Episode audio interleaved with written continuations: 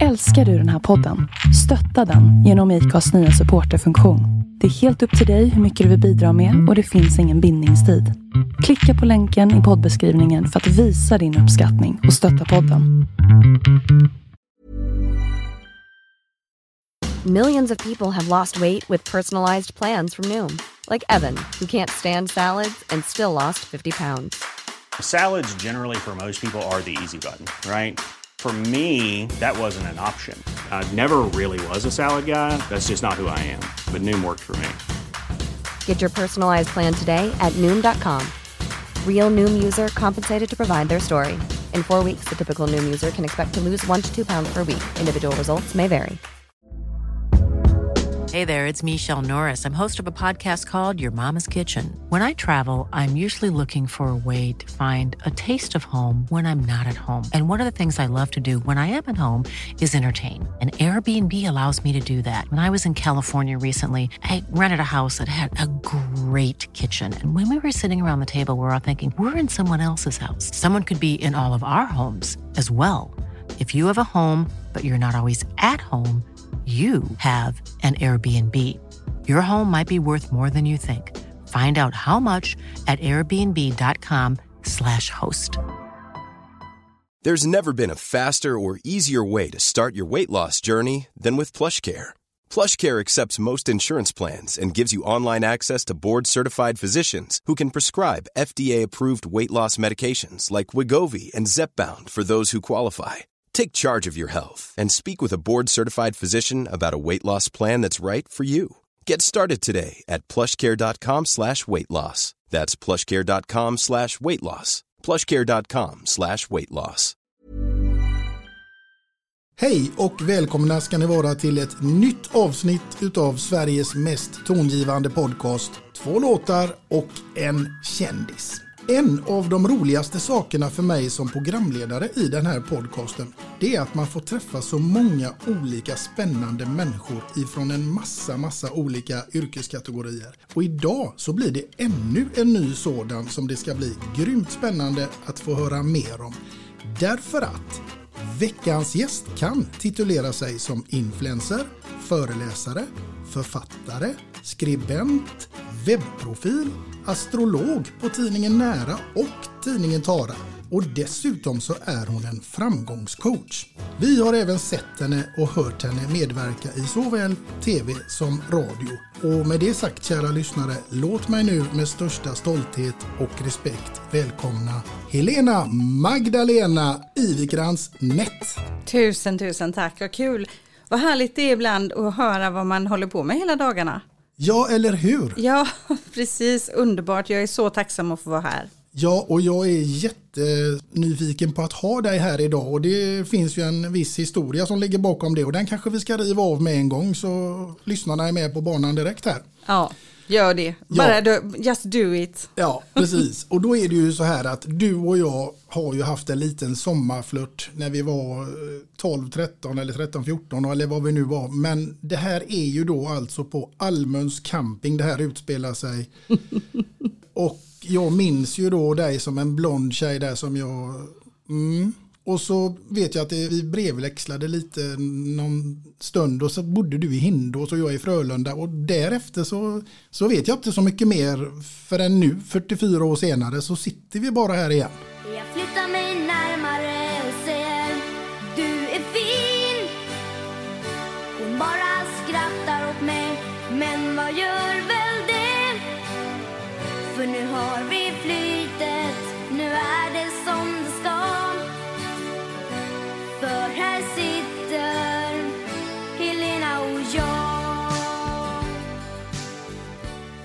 Ja, det är helt otroligt. Det är verkligen helt otroligt. Jo, men eh, det var ju en, en rolig händelse också. Alltså att jag rymde ut mitt i natten med min stora syster för att träffa dig. Så mm, vi väntade tills våra föräldrar hade somnat och så, vi ska bara gå på toaletten. Och så smet vi ut och var ute i flera timmar och sen vaknade ju våra föräldrar. Och insåg att vi inte var kvar där så de kom ju ut lite sådär pinsamt och hämtade oss vid servicehuset mitt i natten. Ja, just det, det var där vi hängde. Jajamensan.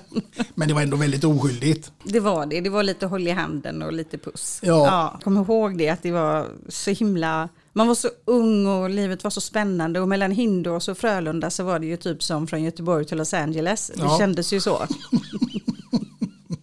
Ja. Du, så långt är det inte emellan oss nu för nu är det bara någon meter här vid bordet och eh, det ska bli grymt kul att få höra vad som har hänt sedan dess givetvis samtidigt som jag har kunnat följa dig på sätt och vis i, inte minst i media då när man har, eller på Facebook eller vad det kan vara att du har gjort en gedigen resa sedan vi träffades. Mm, verkligen, det är som att eh, man kan ju välja ifall man vill och leva många olika liv under samma liv. Och mm, jag har alltid älskat det här att gå vidare, utforska. Jag älskar frihet liksom. Jag vill inte sitta fast i någonting och bara göra samma saker. Utan jag har flyttat runt en del, lite flyttfågel, bott i olika miljöer, bott i olika länder. Och egentligen haft den här karriären som jag har nu började jag egentligen med väldigt tidigt men sen utbildade jag mig och så hade jag en annan karriär då som chef inom socialtjänsten i många år. Mm. Vi ska komma in mer på det men innan vi gör det Helena så tänker jag att jag måste ju fråga hur det stod till med dig en dag som denna. Det står fantastiskt bra till skulle jag säga. Det är underbart och jättekul att träffa dig och få vara med i den här spännande podden känner jag. Jag är sådär lite pirrig och vad kul, vad ska vi prata om tänker jag. Ja, det ska du snart få reda på. Mm, precis. Nej då. Du, du fick ju i uppdrag fram tills idag att välja ut två låtar och du ska inte få avslöja dem men jag tänker ändå, var det svårt för dig att välja ut dessa låtarna? Ja, det var otroligt svårt. När jag fick frågan här om jag ville vara med i din podd så kände jag, gud vad kul. Och jag kände ju bara att det var något bekant över det men jag hade ju inte fattat vem du var. Men din energi fångade ju mig då och podden gjorde det. Och sen jag började på tusentals låtar. Alltså jag menar det verkligen på riktigt. Var, var i livet ska man hoppa in? Vilken genre ska man hoppa in i? Vilka låtar har följt mig genom livet eller bara kommit in som ett bombnedslag och förändrat mitt liv? Eh, Så det var svårt. Mm. Mm. Och svårare ska det bli här för vi har ju fler frågor än så här i podden. Jaha du.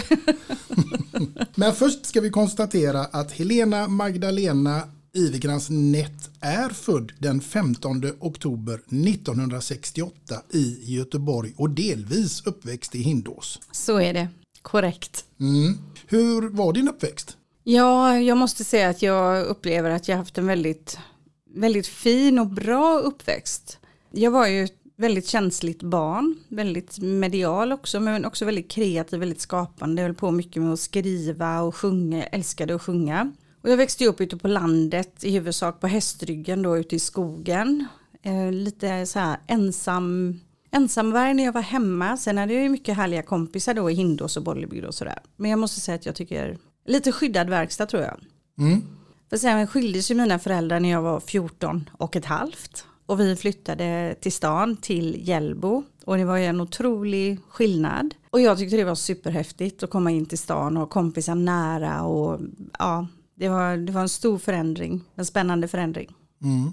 Ja, det kan jag verkligen tänka mig. För då tänker jag ju så här att ja, från en skyddad verkstad till jordens alla planeter där du befinner dig emellanåt idag. Ja, så kan det ha varit. Eh, och jag har liksom genom livet haft med mig någon sån här känsla av att livet är som en skola och att vi lär oss väldigt mycket. Så jag har sett det som en möjlighet att samla på erfarenheter och lärdomar. Och när jag just då kom ifrån den här skyddade verkstaden till eh, Hjällbo som, det var ju en helt annan tid än vad det är där nu. Men jag mötte ändå det här socialt utsatthet på ett sätt som jag aldrig hade gjort, som jag aldrig hade kunnat föreställa mig. Så det var väl där som jag började bestämma mig någonstans för att jag vill jobba med att hjälpa människor och då vill jag gärna bli kurator då. Alltså hjälpa människor som har det svårt, framförallt ungdomar då.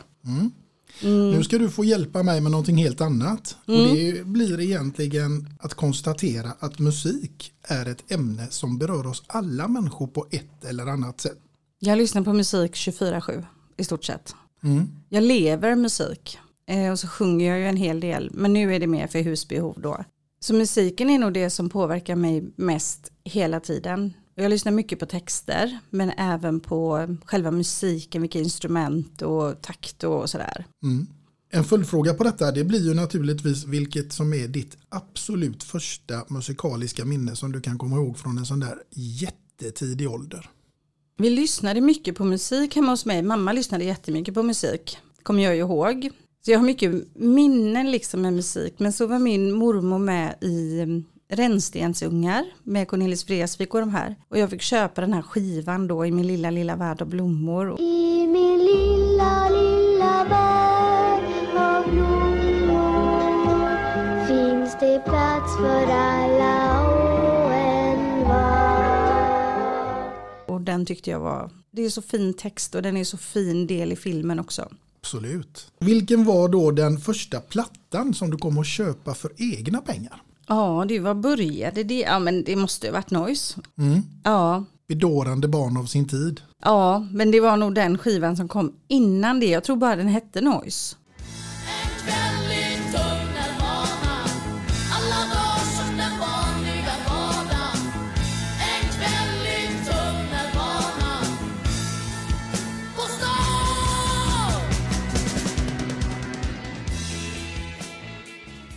Och sen kom Bedårade barn av sin tid tror jag. Ja, just det. Något år efter eller någonting. Men jag köpte de skivorna vart efter de kom då jag älskade Noise. Mm. Det var lite sådär, antingen så var det Noise eller så var det Gyllene Tider. Men du var alltså Noise-damen. Jag var det och jag var ju Gyllene Tider också och Freestyle och liksom Magnum Bonum och alla de här med Noise var nog det som jag tyckte var coolast på något sätt. Mm. Jag tror inte vi hade någon sån där låt eh, att förknippas med Palmön den där eh, sommaren. Nej, vi hade väl ingen bergsprängare med oss ute den här natten vid servicehuset tror jag, utan det var nog, det var nog vi själva som sjöng kanske. Ja, det var nog så. Du, eh, du är ju ett medium idag. Mm. Och när upptäckte du egentligen att du hade ådra för, för det? Jag var ett väldigt medialt barn, eh, vilket gjorde att jag såg och upplevde väldigt mycket som, för mig var ju det helt naturligt. Så jag trodde ju att alla andra gjorde det också, så var det ju. Och det är väl det som man ibland kan säga det här till barn då, fantasikompisar eller fantasi och sådär. Det var, ju en, det var ju en värld runt omkring mig som jag såg. Och till viss del så, jag såg också då det man kan kalla för andevärlden. Jag såg att det bodde andra i vårt hus också. Och just det vill inte jag berätta för mina föräldrar för jag var rädd att inte de fick stanna kvar där. Om jag sa någonting så det bar jag på själv. Mm. Hur upptäcker man att det finns en ande i huset? Men jag såg ju dem. De var ju omkring oss precis, alltså levande människor är mer fysiskt konkreta. Men så såg jag också de andra människorna som var där, de är lite mer svävande och lite mer suddiga i sina konturer. Och för mig var det helt naturligt, jag var ju ett barn, jag hade ju inte liksom någon begreppsvärld att det finns och det finns inte, utan för mig fanns ju allt. Mm. Och jag kände ju ofta att jag var iakttagen så jag var ju så här lite mörkrädd och jag tyckte inte om att vara själv hemma. Som tur var hade vi en stor schäferhund då som jag kunde ha som lite bodyguard. Men för mig var det där helt naturligt och likaså när jag var ute i skogen då till häst så kunde jag också se och uppleva olika saker. Och jag fascinerades ju som ett barn gör, vad kul, vad spännande, wow, där såg jag någonting igen. Sen när jag blev tonåring kanske, jag tror det, ung tonåring någonstans där då började jag förstå att alla inte hade det likadant som mig. Och då blev det jättejobbigt för mig. Mm. Ja, det kan jag förstå. Mm. För jag har aldrig sett någon ande, vare sig som barn eller vuxen. Nej, många har ju inte det och samtidigt så är det många som har det. Och då liksom när man är ung tonåring och ehm, det släppte ganska mycket också när vi lämnade Hindås. Jag tror att det var förutsättningarna där uppe, liksom lugnet och skogen och nära naturen och jag var mycket på egen hand och sådär. Sen när vi kom till Angered så där minns jag inte liksom att det var på samma sätt så jag släppte ju också det där men sen kom det ju tillbaka igen och jag tyckte det var jag tyckte det var jobbigt, jag ville vara cool, jag ville vara tuff, jag var ju hårdrockssångerska liksom, jag ville ju inte hålla på att vara andlig i den åldern, jag tyckte det var jättejobbigt. Mm. När kom det tillbaka in i livet på dig? jag tror aldrig att jag lämnade det helt egentligen. För att när just det här med andevärlden och sådana saker, när det släppte då kom astrologin väldigt starkt. Då var jag ung tonåring. Så då höll jag på med det. Och sen när jag var lite äldre i tonåren då var det ju ändå ganska så här populärt att man skulle hålla på med anden i glaset och massa svarta madam och massa grejer. Så det, det gjorde vi, det var ju jättedumt för det är ju inte alls något bra att hålla på med. Men det höll vi ju på med vilket gjorde att jag blev ännu mer mörkrädd för jag fick ju ännu mer upplevelser. Och sen så, ja, Det har väl varit med där hela tiden mer eller mindre men jag har också alltid haft en väldigt, väldigt stark intuition. Jag har alltid kunnat få varsel om framtiden och jag har också alltid kunnat se in i framtiden. Mm. Jag tänker det här med astrologi. Om du och jag var på en dejt nu här i, i vuxen ålder. Mm. Mm. Och så träffas vi på ett café och så kommer du in där och ser mig och så säger du Tjänare, tjänare, vad är du för uh, stjärntecken? Ja, jag är vattenman. Hur så? Nej men du, då kan vi, vi kan skippa den här fikan för det kommer gå åt helvete eller det kommer att gå skitbra.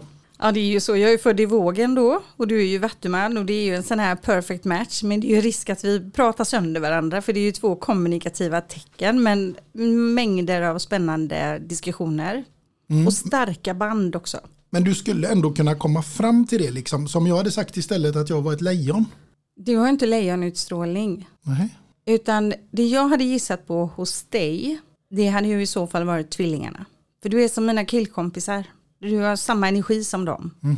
Mm. Och det här glimten i ögat, lite snabb i käften och liksom en riktig kommunikatör. Så du har ju verkligen de egenskaperna också som passar med vattumannen och tvillingarna då. Och, och vågen då. Vi är samma. Så om jag ska gå på dejt då, då, då ska jag hålla mig till Alltså det som gör det är ju lite intressant när vi som är födda då i luftens element, våg, vattuman, tvilling. Vi dras gärna till varandra och vi pratar jättemycket, vi har underbara samtal och liksom massa tankar och mycket mentalt och sådär. Men om det ska hända någonting, då behöver vi egentligen träffa eldens element. Vädur, lejon, skytt, då blir det lite mer intressant.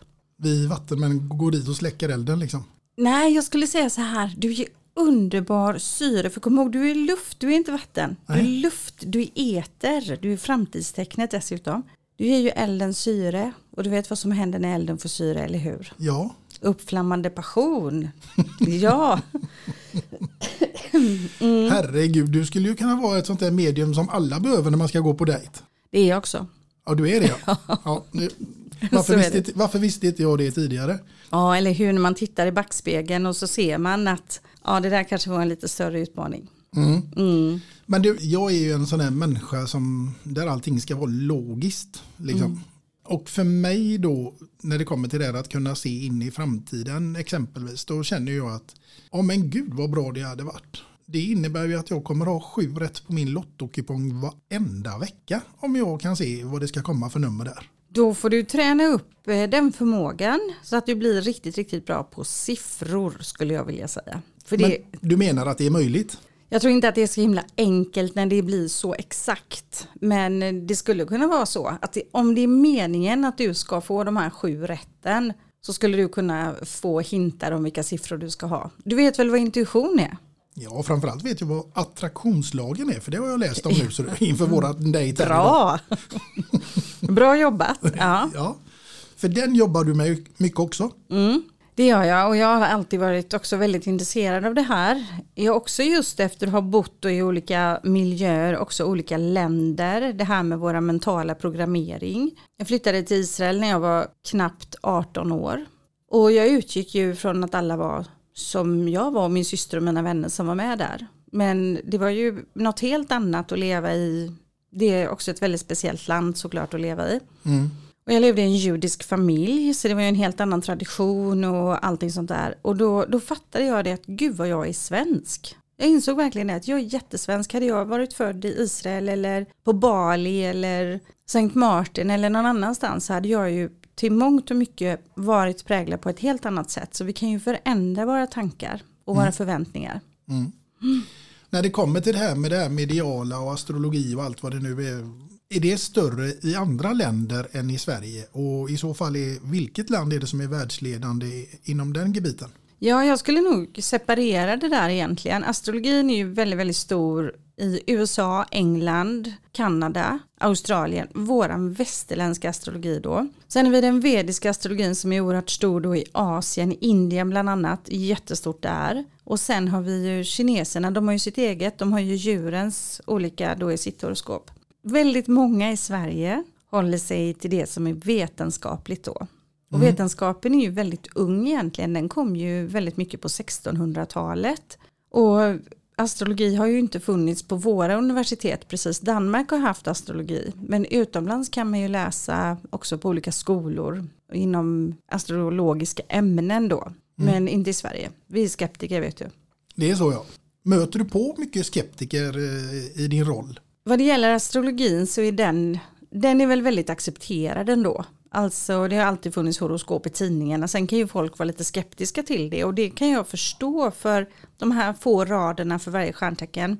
De blir väldigt generella men om man verkligen tittar på de här riktiga förutsägande horoskoperna över världen till exempel. Många i USA och Kanada som jobbar med det. Och kan ju säga på dagen hur börsen åker upp och ner och när det blir väldigt spänt i världen och sådär. Så att astrologin är ju väldigt stor, väldigt bred.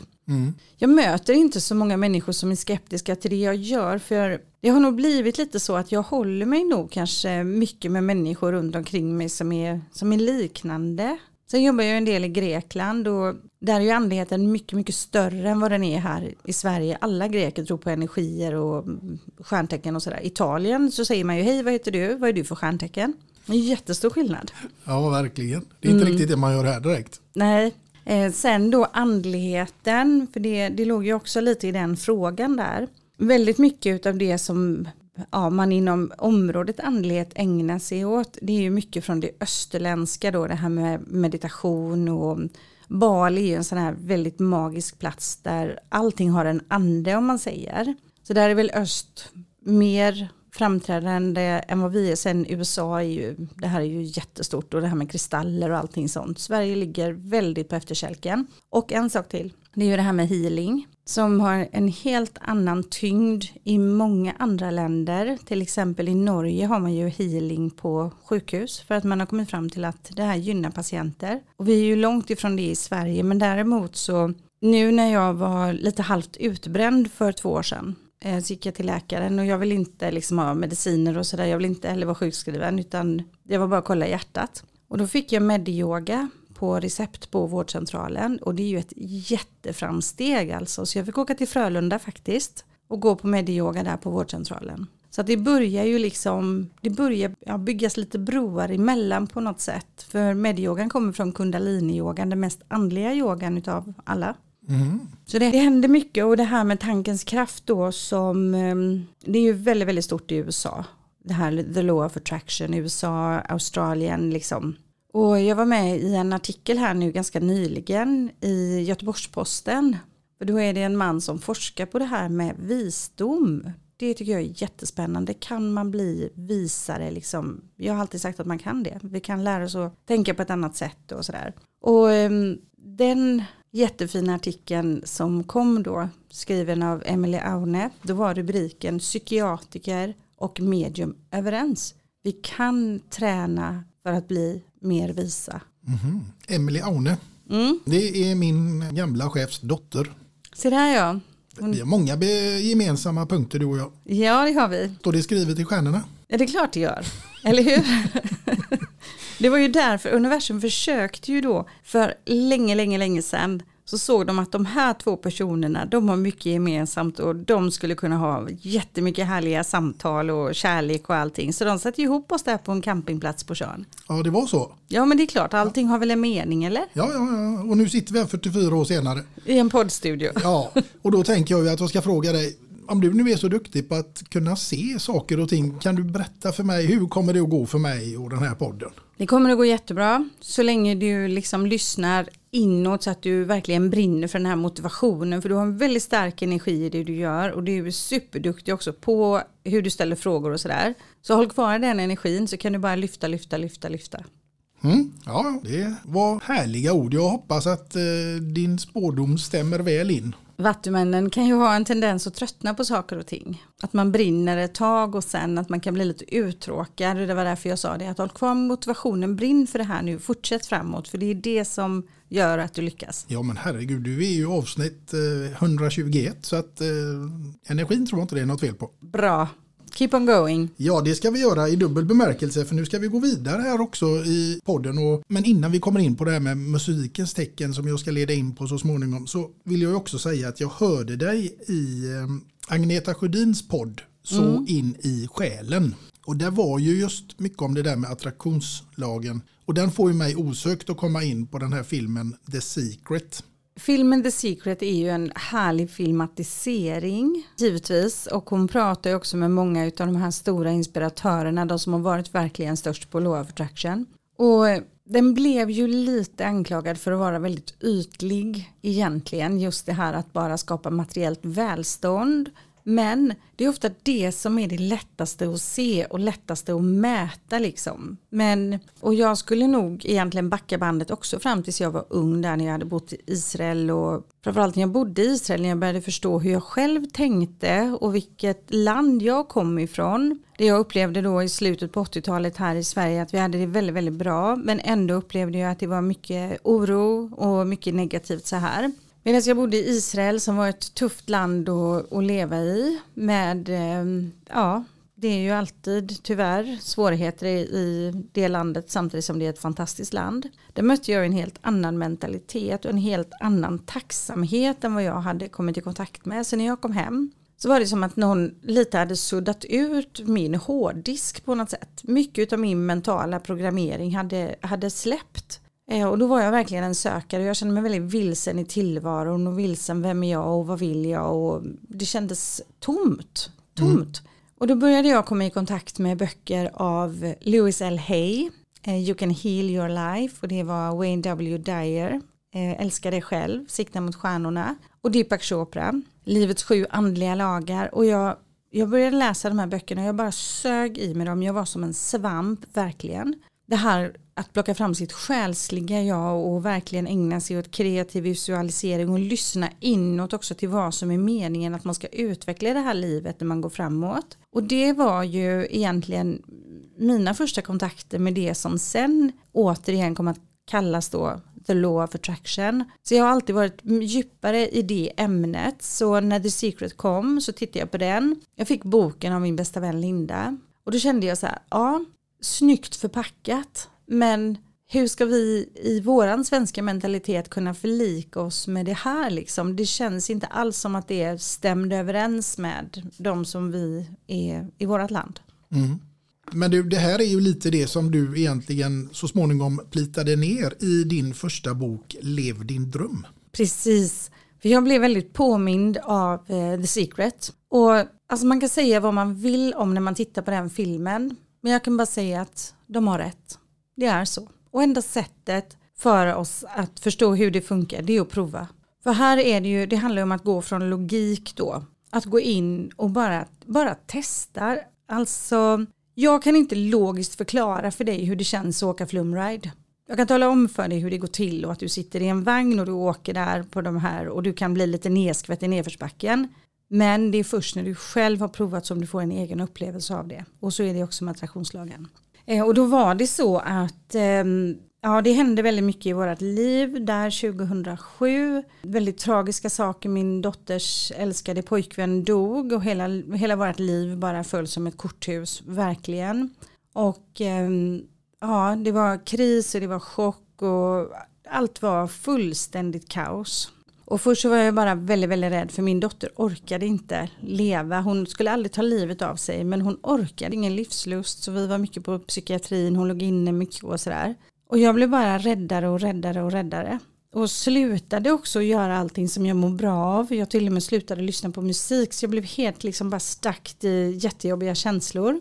Och så kom det bara som en blixt från klar himmel att jag har verktygen. Jag vet hur jag kan eh, liksom ändra på mitt eget mående och hjälpa min dotter. Och då var det som att himlen bara öppnade sig och så kom allting till mig igen. Och då började jag använda attraktionslagen för den sakens skull. För det handlar om att, liksom, vi kan alla förändra vårt sätt att tänka. Bit för bit, steg för steg. Och jag hade givetvis använt mig av attraktionslagen för att skapa väldigt mycket fantastiskt. Vi hade byggt ett stort underbart vitt hus ute i Särö och jag hade lyckats med min karriär och allt så här. Men när du står där och det käraste i livet mår så dåligt så du inte vet om hon ska leva tills imorgon. Då har det andra ingen, det har ingen betydelse. Och då började jag jobba liksom med min egen rädsla och började gå över till tacksamhet. Jag var tacksam för varje dag hon levde istället för att vara rädd för att hon inte skulle orka vara kvar här. Och eh, då började jag ju må bättre och bättre. Och sen är det så här att en hemlighet med attraktionslagen det är att du kan bara skapa det du kan föreställa dig. Ingenting annat. Bara det du kan visualisera inom dig genom känsla och en bild. Och då visste jag det jag såg min dotter må bra en gång igen. Vi var sju år i helvetet med droger och allting. Men jag såg henne efter den tiden. Och då visste jag 100% i mitt hjärta att hon kommer att klara det här. Och tack vare att jag visste det så kunde jag vara den här the tough love till henne. För jag visste att jag tappade inte. Vi klarar det här. Åren får gå men du kommer att fixa detta. Och efter det eller i det någonstans där tidigt tror jag så åkte jag till Grekland. Det bara kom till mig, min själ talade till mig. Jag kände jag måste göra någonting. Och min själ sa till mig att åk till din bästa vän i Aten, hon väntar på dig. Så jag åkte dit och var där i en vecka och kom hem och kände att jag vill förändra hela mitt liv. Jag var inte lycklig, jag var, det var tomt, det var sorg. Så jag började förändra hela mitt liv steg för steg, bit för bit och kände att vi som har ett liv, vi är också skyldiga att leva det. Eh, och då använde jag mig av attraktionslagen. Och jag kunde skapa ett liv som andra bara kunde drömma om i just det här frihet, glädje, tacksamhet. Sen skrev jag min första bok, Lev din dröm. Mm. Vilken historia. Ja, den är, den är stark. Ja, verkligen. den Men vad det. härligt att höra att det blev bra till slut ändå. Ja, det blev fantastiskt bra, men det var ja, sju år i helvetet. Mm. Du, eh, vi ska lämna dem för en stund för nu säger min själ till mig att det är dags för mig och låta dig använda sin fantasi lite grann och det ska vi göra i musikens tecken när du nu ska få bege dig till en öde ö och där ska du vara i ett helt år och du får bara ta med dig en enda platta till den här öde ön. Och då undrar jag naturligtvis, vad blir detta? Den var, det var en kluring, Anders. Den var jätteklurig. Själen är klurig. Ja, det var väldigt... En, en enda platta. Ja, Jag skulle ju ta med mig någon platta med mantrasånger. Det bara är så, för jag skulle verkligen behöva det där. Meditation och mantrasånger. Finns det någon speciell artist som sjunger sånt som är bra eller? Sirgun Kaur. Hon är den bästa.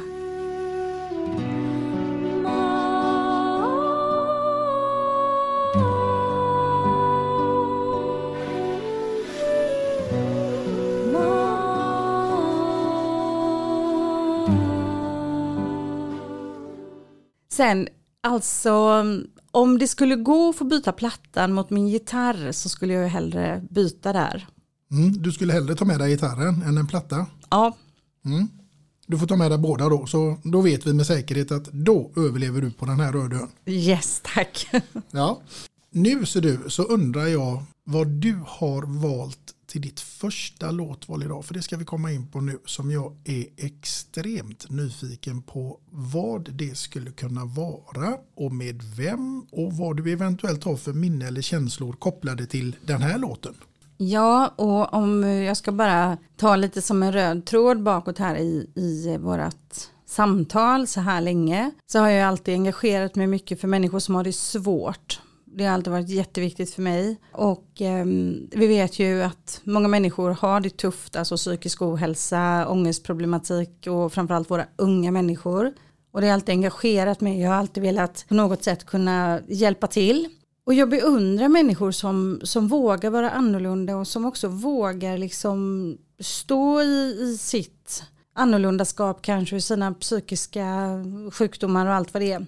Så den första låten det är till en kvinna, en världsartist som har då en psykisk diagnos, psykiatrisk diagnos, bipolär. Och eh, jag fick möjligheten att vara och lyssna på henne på Ert West för ett antal år sedan. Och det var spöregn och Slottsskogen var som en leråker och många hade gett upp och begett sig hem och jag stod där. Min man han gav upp för länge sedan men jag stod kvar. Och i det här kalla sommarregnet liksom och det droppade över ansiktet så fick jag lyssna på Sia. Och eh, den låten som jag väljer det är Chandelier med Sia då. Party girls, don't get hurt, can't feel anything. When will I learn? I push it down, push it down. I'm the one for a good time call, phone's blowing up. Ring on my doorbell, feel the love.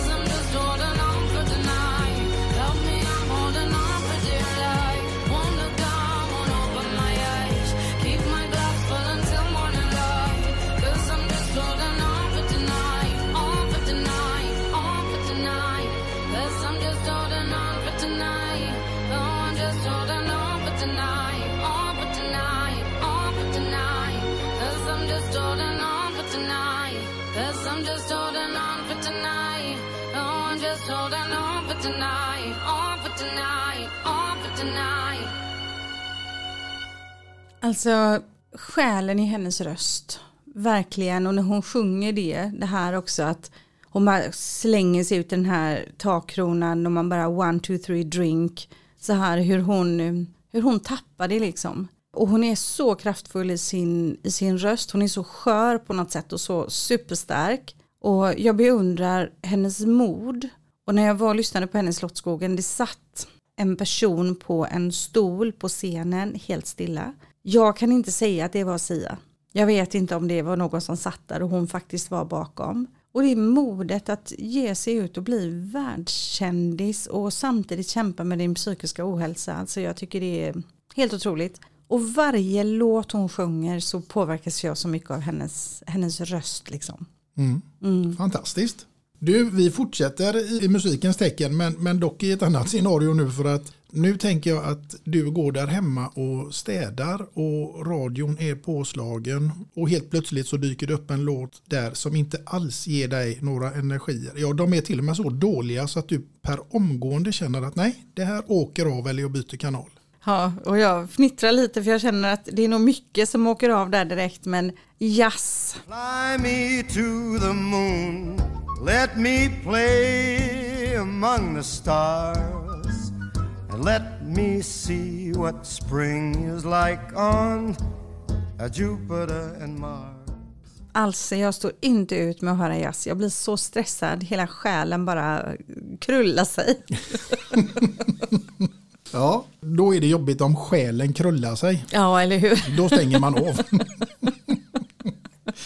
ja, du, eh, vi ska gå vidare faktiskt i ännu mer musikens tecken därför att nu undrar jag vem som skulle kunna få den stora äran att skriva låten eller visan om Helena Magdalena.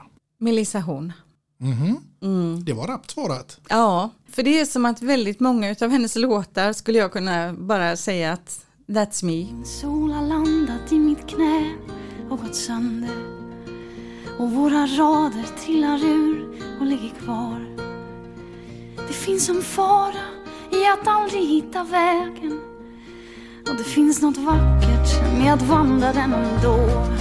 Och hur ska det gå? Så hon skulle kunna förmedla låten om mig på ett helt fantastiskt sätt. Mm, det är jag helt övertygad om. If you're looking for plump lips that last, you need to know about Juvederm lip fillers. With Juvederm Volbella XC and Juvederm Ultra XC, your lip look, whether it's subtle or bold, can last up to one full year with optimal treatment and no additional maintenance. Find a licensed specialist and see if it's right for you at juvederm.com today. That's J U V E D E R M.com. Add fullness to lips in adults over 21 with Juvederm Volbella XC or Juvederm Ultra XC. Do not use if you have severe allergies or a history of severe allergic reactions, or if you're allergic to lidocaine or the proteins used in Juvederm. Tell your doctor if you have a history of scarring or taking medicines that decrease the body's immune response or that can prolong bleeding. Common side effects include injection site redness, swelling, pain, tenderness, firmness, lumps, bumps, bruising, discoloration, or itching. As with all fillers, there's a rare risk of unintentional injection into a blood vessel, which can cause vision abnormalities, blindness, stroke, temporary scabs, or scarring. For full important safety information, visit juvederm.com. I'm Sandra, and I'm just the professional your small business was looking for. But you didn't hire me because you didn't use LinkedIn jobs. LinkedIn has professionals you can't find anywhere else, including those who aren't actively looking for a new job but might be open to the perfect role, like me. In a given month, over 70% of LinkedIn users don't visit other leading job sites. So if you're not looking on LinkedIn, you'll miss out on great candidates like Sandra. Start hiring professionals like a professional. Post your free job on linkedin.com/achieve slash achieve today. Millions of people have lost weight with personalized plans from Noom, like Evan, who can't stand salads and still lost 50 pounds. Salads, generally, for most people, are the easy button, right? For me, that wasn't an option. I never really was a salad guy. That's just not who I am. But Noom worked for me. Get your personalized plan today at Noom.com. Real Noom user compensated to provide their story. In four weeks, the typical Noom user can expect to lose one to two pounds per week. Individual results may vary. Hey there, it's Michelle Norris. I'm host of a podcast called Your Mama's Kitchen. When I travel, I'm usually looking for a way to find a taste of home when I'm not at home. And one of the things I love to do when I am at home is entertain. And Airbnb allows me to do that. When I was in California recently, I rented a house that had a great kitchen. And when we were sitting around the table, we're all thinking, we're in someone else's house. Someone could be in all of our homes as well. If you have a home, but you're not always at home, you have an Airbnb. Your home might be worth more than you think. Find out how much at airbnb.com/slash host. Hey, Dave. Yeah, Randy. Since we founded Bombus, we've always said our socks, underwear, and t shirts are super soft. Any new ideas? Maybe sublimely soft. Or disgustingly cozy. Wait, what? I got it. Bombus. Absurdly comfortable essentials for yourself and for those facing homelessness. Because one purchased equals one donated. Wow, did we just write an ad? Yes. Bombas. Big comfort for everyone. Go to bombas.com slash ACAST and use code ACAST for 20% off your first purchase. Nu ska vi gå in i ett helt annat scenario därför att nu är jag nyfiken på följande. Du ska ha en middagsgäst hemma hos dig. Det får vara precis vem som helst, död eller levande. Det är bara fantasin som sätter gränserna. Jag vill veta vem det hade varit, vad ni hade ätit och till vilken låt det här nu hade fått utspela sig med i bakgrunden. Mm. Ja, tänk vilken möjlighet egentligen. Det finns ju en hel del personer som hade varit jättespännande att prata med, men jag väljer, jag väljer Jesus. Helena Magdalena och Jesus. Yes. Nu snackar vi. Så in i själen. Du, vad hade du bjudit Jesus på till middag? Eh, något gott Amaronevin och lite bröd och oliver och lite grönsaker. Det hade vi fått. Mm. Mm. Och vilken låt får nu ligga i bakgrunden till den här fantastiska middagen? Det finns en låt, jag vet inte artisten, men det finns en låt som heter Oceans. Eh, det är en sån hillsong då som man använder sig av inom ja, religionen mer.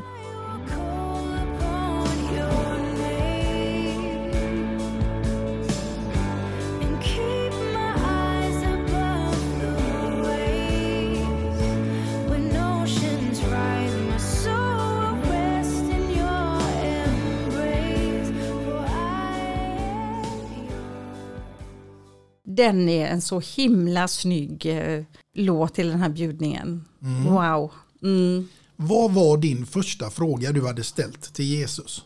Jag hade verkligen velat prata med honom om Bibeln, om det som står där stämmer överens med det som är hans uppfattning. Det är min första fråga. Mm. Undrar vad han hade svarat på det? Ja, precis. Man kan ju fundera på egentligen hur mycket han kände till av, av det där. Eh, men jag tycker det hade varit jättespännande att sitta och prata med honom. Och det är ju så att jag har ju, jag har ju tre döttrar och tre dotterdöttrar också. Jag har massa tjejer. Och min mellandotter läser till präst. Och eh, när hon var yngre, hon blev troende väldigt tidigt. Eh, och hon hade sina upplevelser så jag förstår att hon blev det. Jag förstod att kyrkan är hennes väg. Och då brukade hon få frågan, är dina föräldrar troende? Ja, svarar hon, pappa han tror inte på något och mamma hon tror på allt. Och det är ju lite så att jag har ju varit en sökare inom religionerna och olika livsfilosofier och, och sådär. Och vi har ju väldigt intressanta samtal hemma just om det här, liksom med kyrkan med det här med nyandliga eller gammalandliga skulle jag ju säga då. Och Jesus är ju en så himla central punkt på något sätt. Jag har alltid sagt jag tror på Jesus och jag tror på någon sorts Gud. Men jag har haft jättesvårt att, att förlika mig med, med hela kyrkan om man säger, hela religionen liksom. Mm. Ja, det skulle vara intressant. Mm. Och någonting som ska bli jätteintressant nu det är att få lite svar ifrån dig som definitivt inte står i Bibeln. Och det ska du få avslöja när vi hör den här signaturen.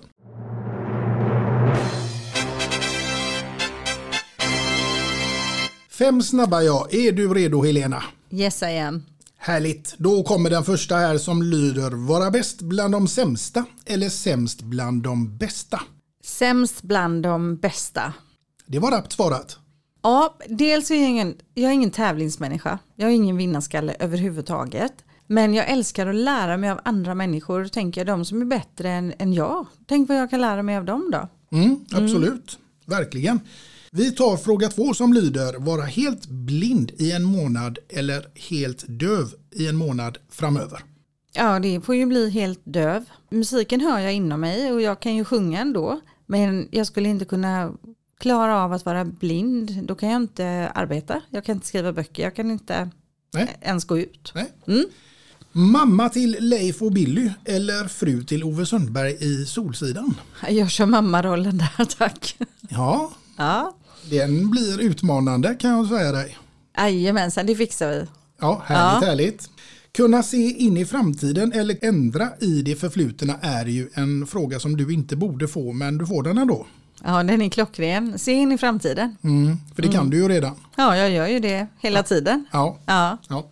Så den var enkel. Surströmming eller inälvsgryta på tallriken i en vecka framöver är kanske inte lika enkel. Nej. Oh, jag ser ju allting i bilder du vet, så jag ser ju det här, den här maten också. Men jag får ta den här inälvsgrytan. Jag får, jag får köra på det.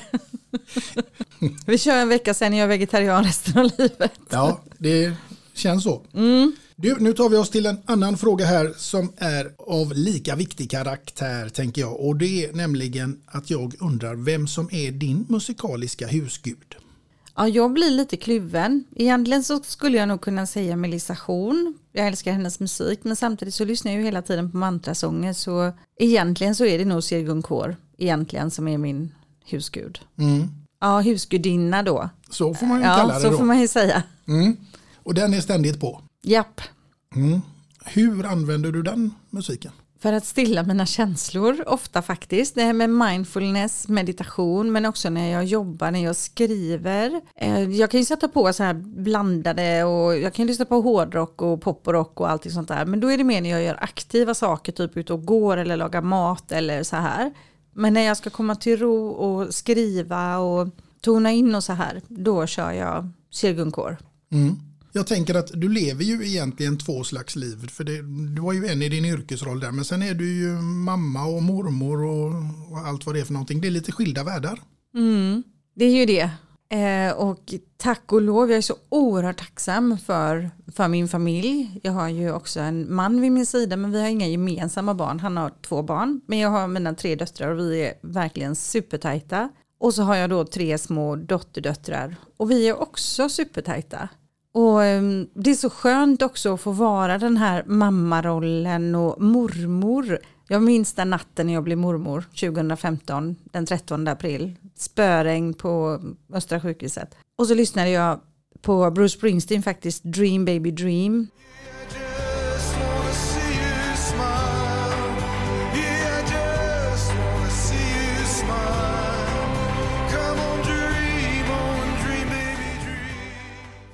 Den natten den gick bara runt, runt under min dotters förlossning. Och så kom det här lilla barnet och så la de det i min famn för min dotter var lite illa däran ett tag.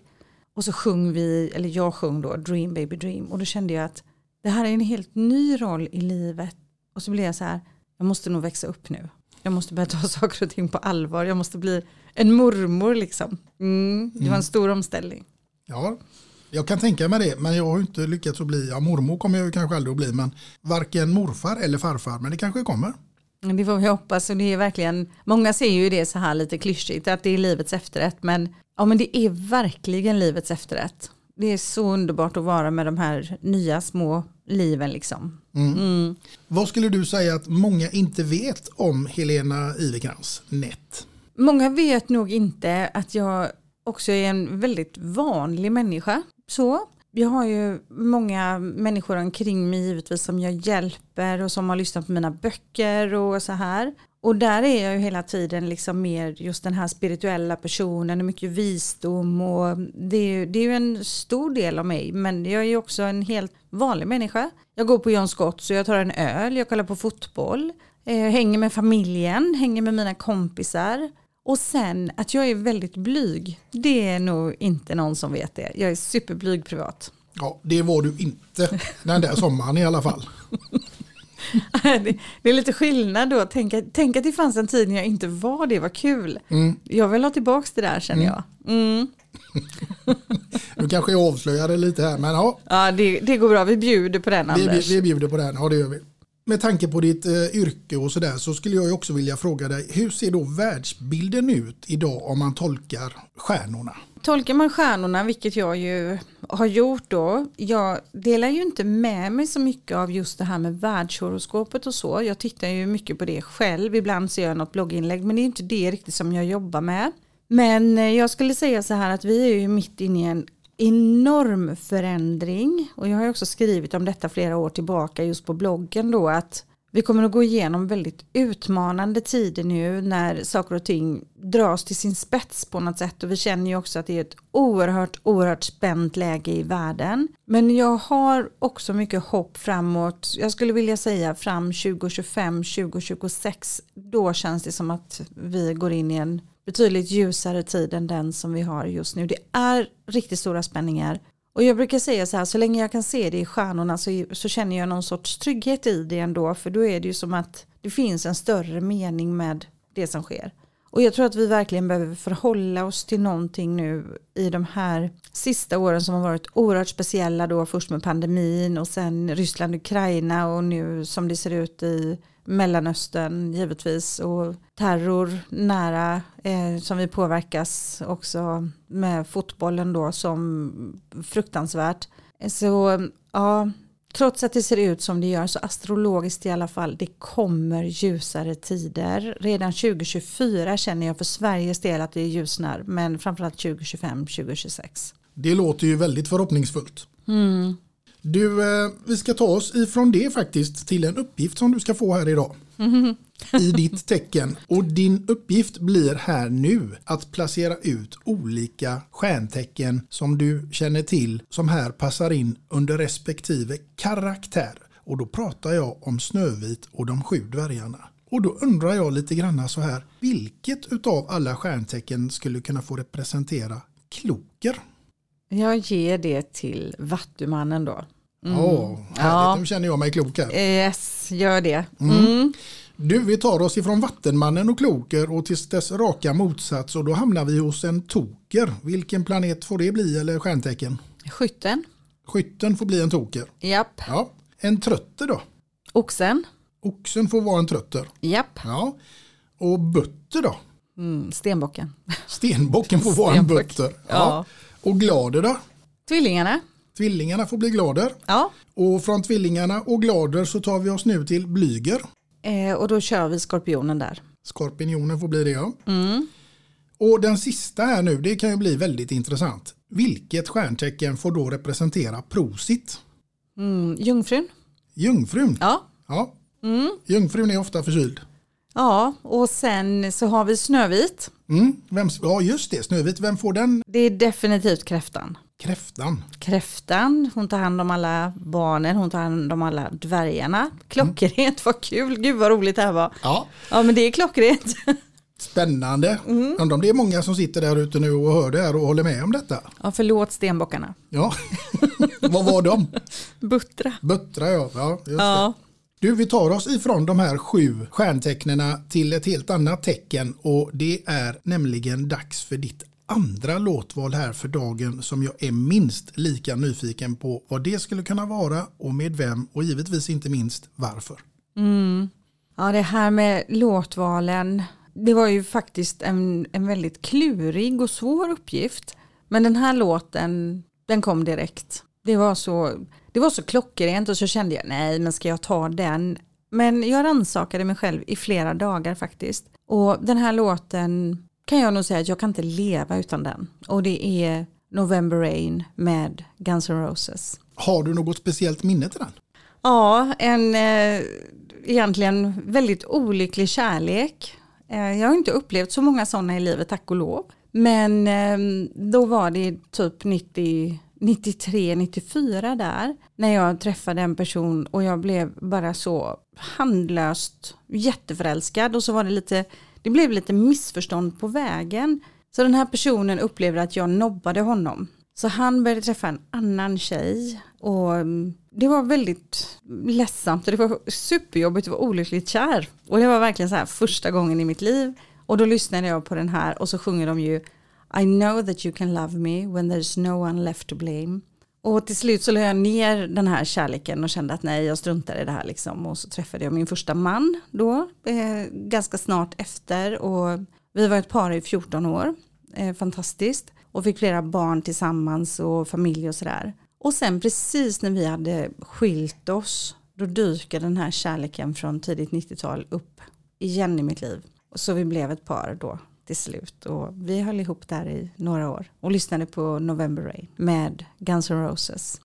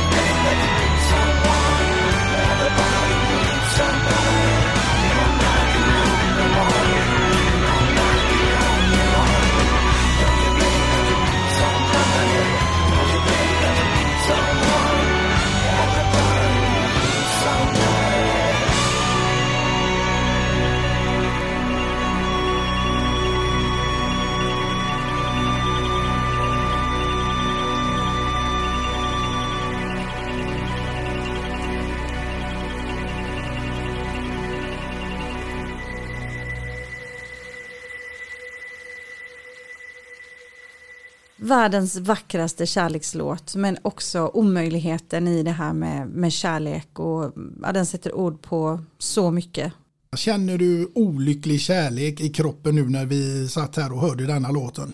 Ja, jag kommer liksom i kontakt med, mitt, med mig, vem jag var när jag var yngre där och de här, den här tiden.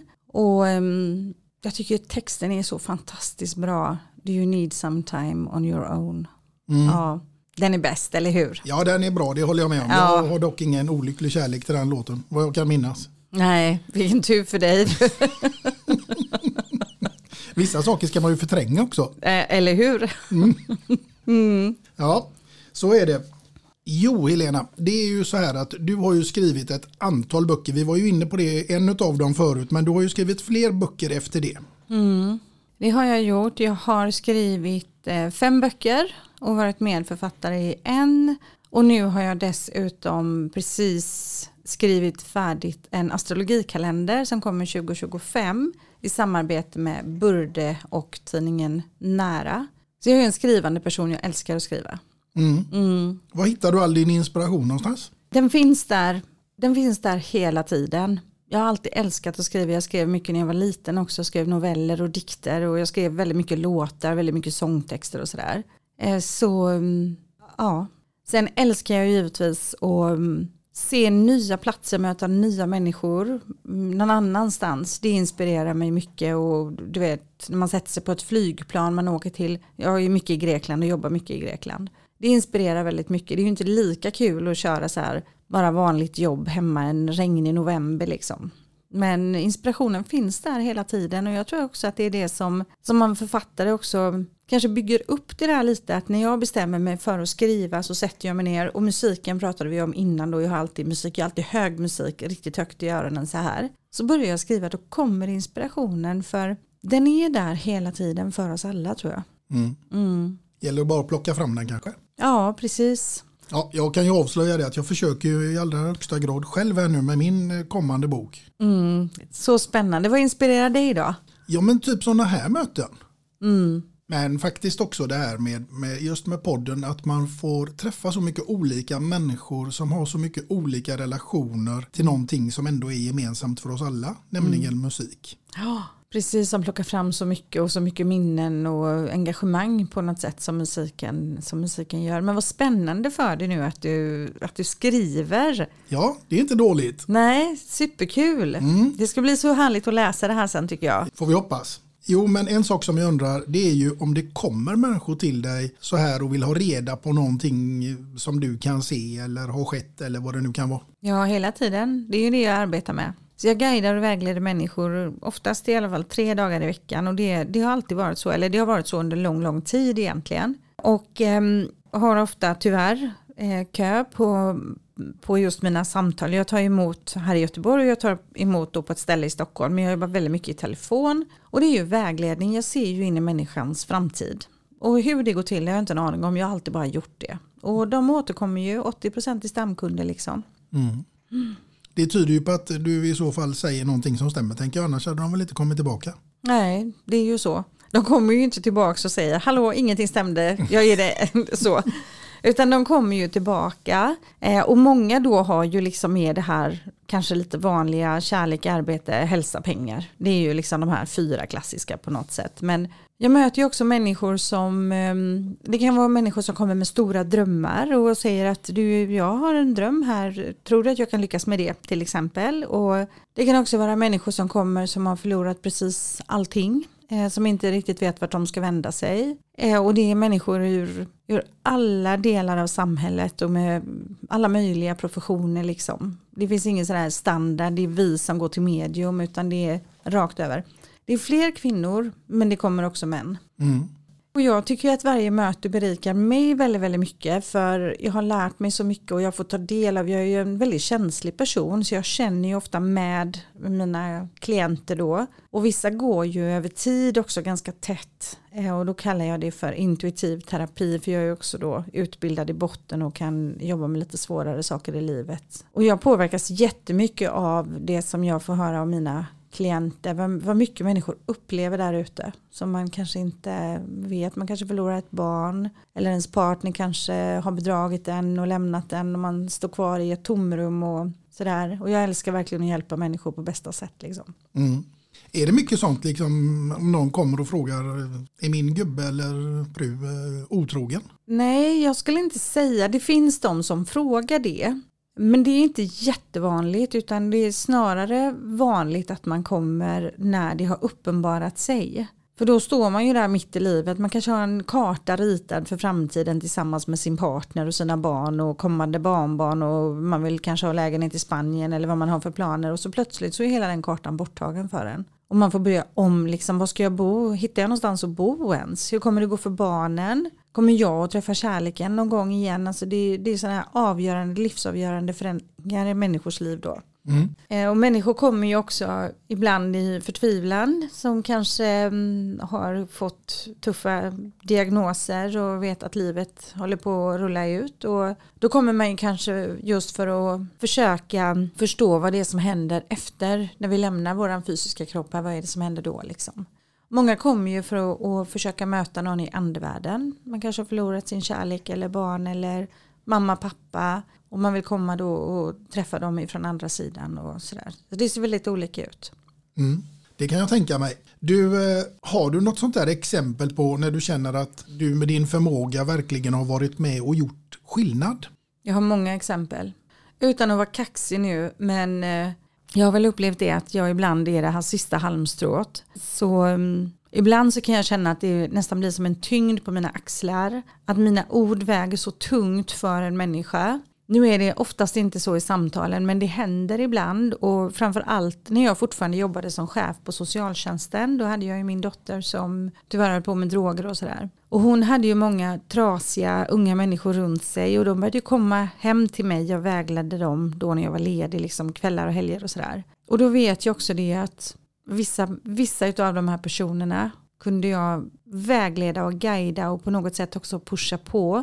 Så de gick ut ifrån mitt hus och började förändra sina liv. Och det kanske var avgörande för att de skulle överleva och klara sig. Mm.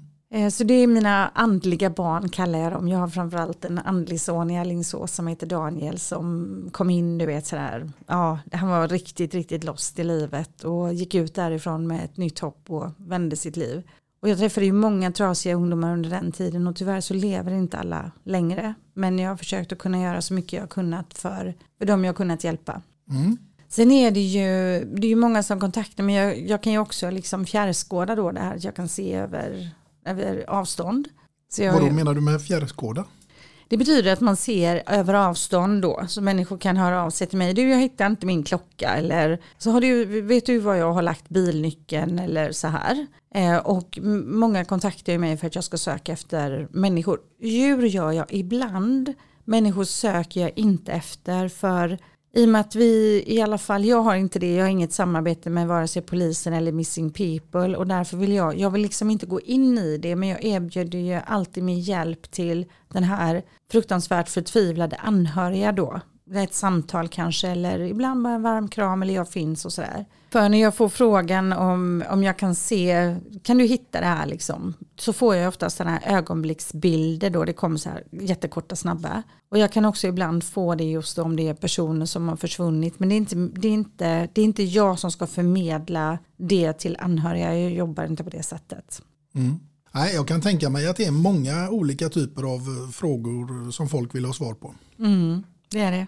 Och många olika kulturer också måste jag säga. Jag har ju en mångfald bland mina klienter och det är också jätteintressant hur, hur annorlunda det kan se ut. Ifrån vissa kulturer så tror man ju att man har förbannelser och att man är liksom satt under förbannelse och sådär och vissa har ju onda ögat och så här. Så det är också jättespännande, berikande att se vad man har med sig liksom. Mm. Absolut, och någonting som ska vara lika spännande och berikande härnäst det är att ta reda på vem Helena Magdalena skulle ha dansat med i en Let's Dance-final. För nu är du verkligen i final där. Och nu vill jag veta med vem du hade dansat och givetvis då till vilken låt det här nu hade fått utspela sig. Japp, och jag skulle vilja ha dansat med Tony Irving. Tony Irving. Yes. Ja, spännande. Det är det ingen tidigare som har sagt kan jag informera dig om. Min mormor var dansare. Hon levde för att dansa i väl, ja, hela sitt liv. Och hon var med i gingen där till Let's Dance under flera säsonger. Och eh, hon skrev till mig på sms så här att jag har varit iväg nu på någon av båtarna där uppe i Stockholm. Och jag har dansat med Tony Irving, de kände ju varandra lite.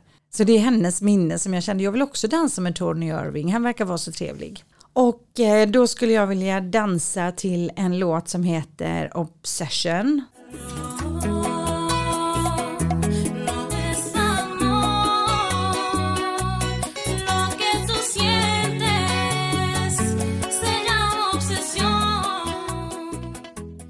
Så då skulle vi köra lite så här bachata, kizumba-dans jag och Tony Irving. Det hade varit superkul.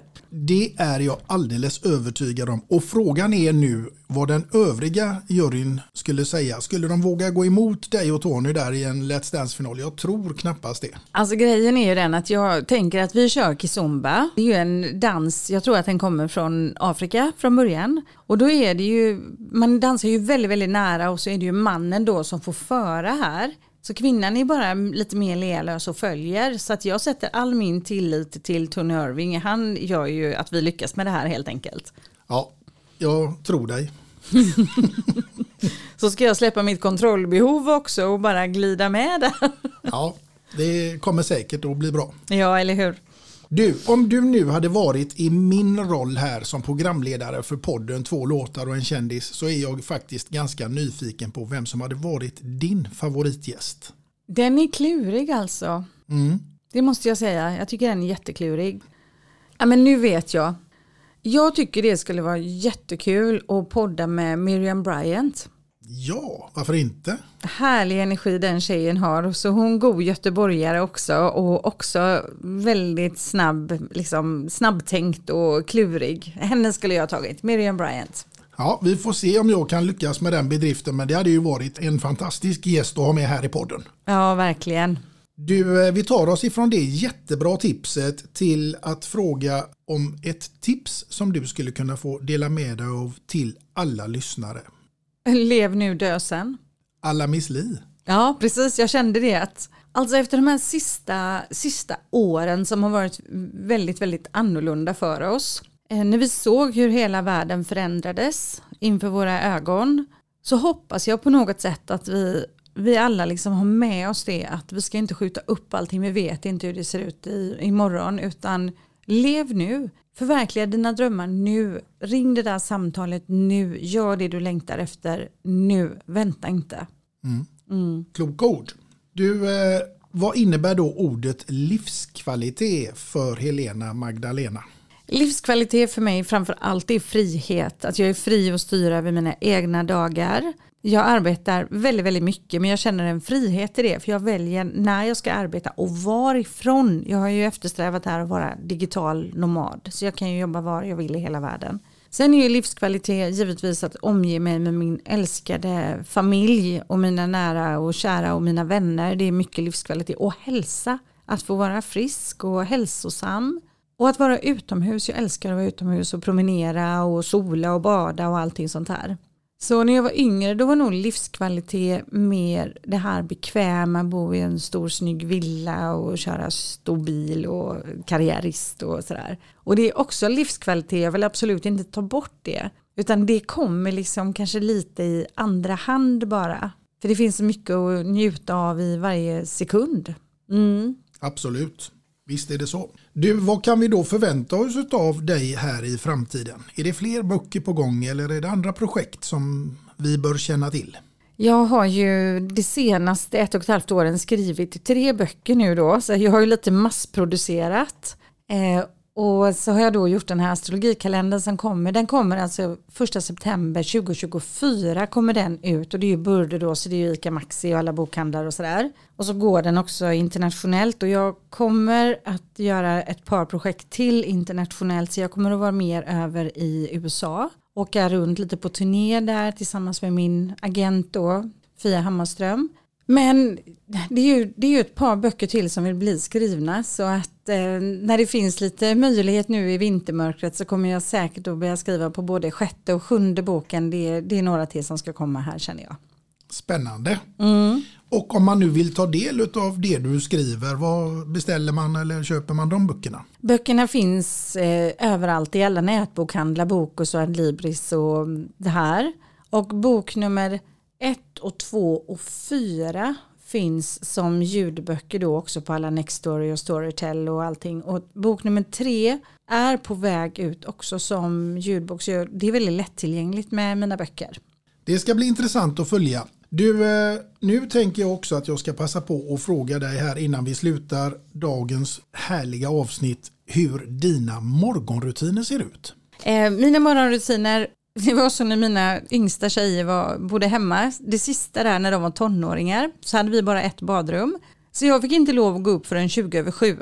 Utan eh, de skulle vara uppe där innan och snurra runt och sådär. Och det där 20 över 7, det lever kvar hos mig. Så jag går upp 20 över 7, fixar jättegott kaffe, kaffe i mitt liv. Och så, eh, ja nu när det är lite mörkt ute tänder jag lite ljust och sådär. Och så sätter jag mig vid datorn och börjar jobba. Mm. Mm. Och det jag fiskade efter här, det var ju om kaffet är någonting som är viktigt för dig på morgonen. Det är ju det viktigaste av allt. Mm. Ja, verkligen. Så bra, för då är det ju nämligen på det viset att jag ska be att få bidra med någonting till dina morgonrutiner och det är med en mugg som jag sträcker över till dig och som det står två låtar och en kändis på och givetvis har du också fått ditt namn ingraverat som ett kärt och trevligt minne ifrån denna poddstunden. Jättefin, gud vad fin, vad mysigt, vilka härliga blå färger. Jag kommer älska den här, det blir min nya favorit nu. Varenda morgon så ska jag tänka på dig. Ja, det låter härligt. Och eh, till er kära lyssnare så får ni fundera på vem som eventuellt skulle kunna vara min nästa gäst. För det vet jag inte riktigt själv ännu så det återstår ännu att se. Men tills dess så får ni ha det så bra där ute allihopa. Hej då! Hej då!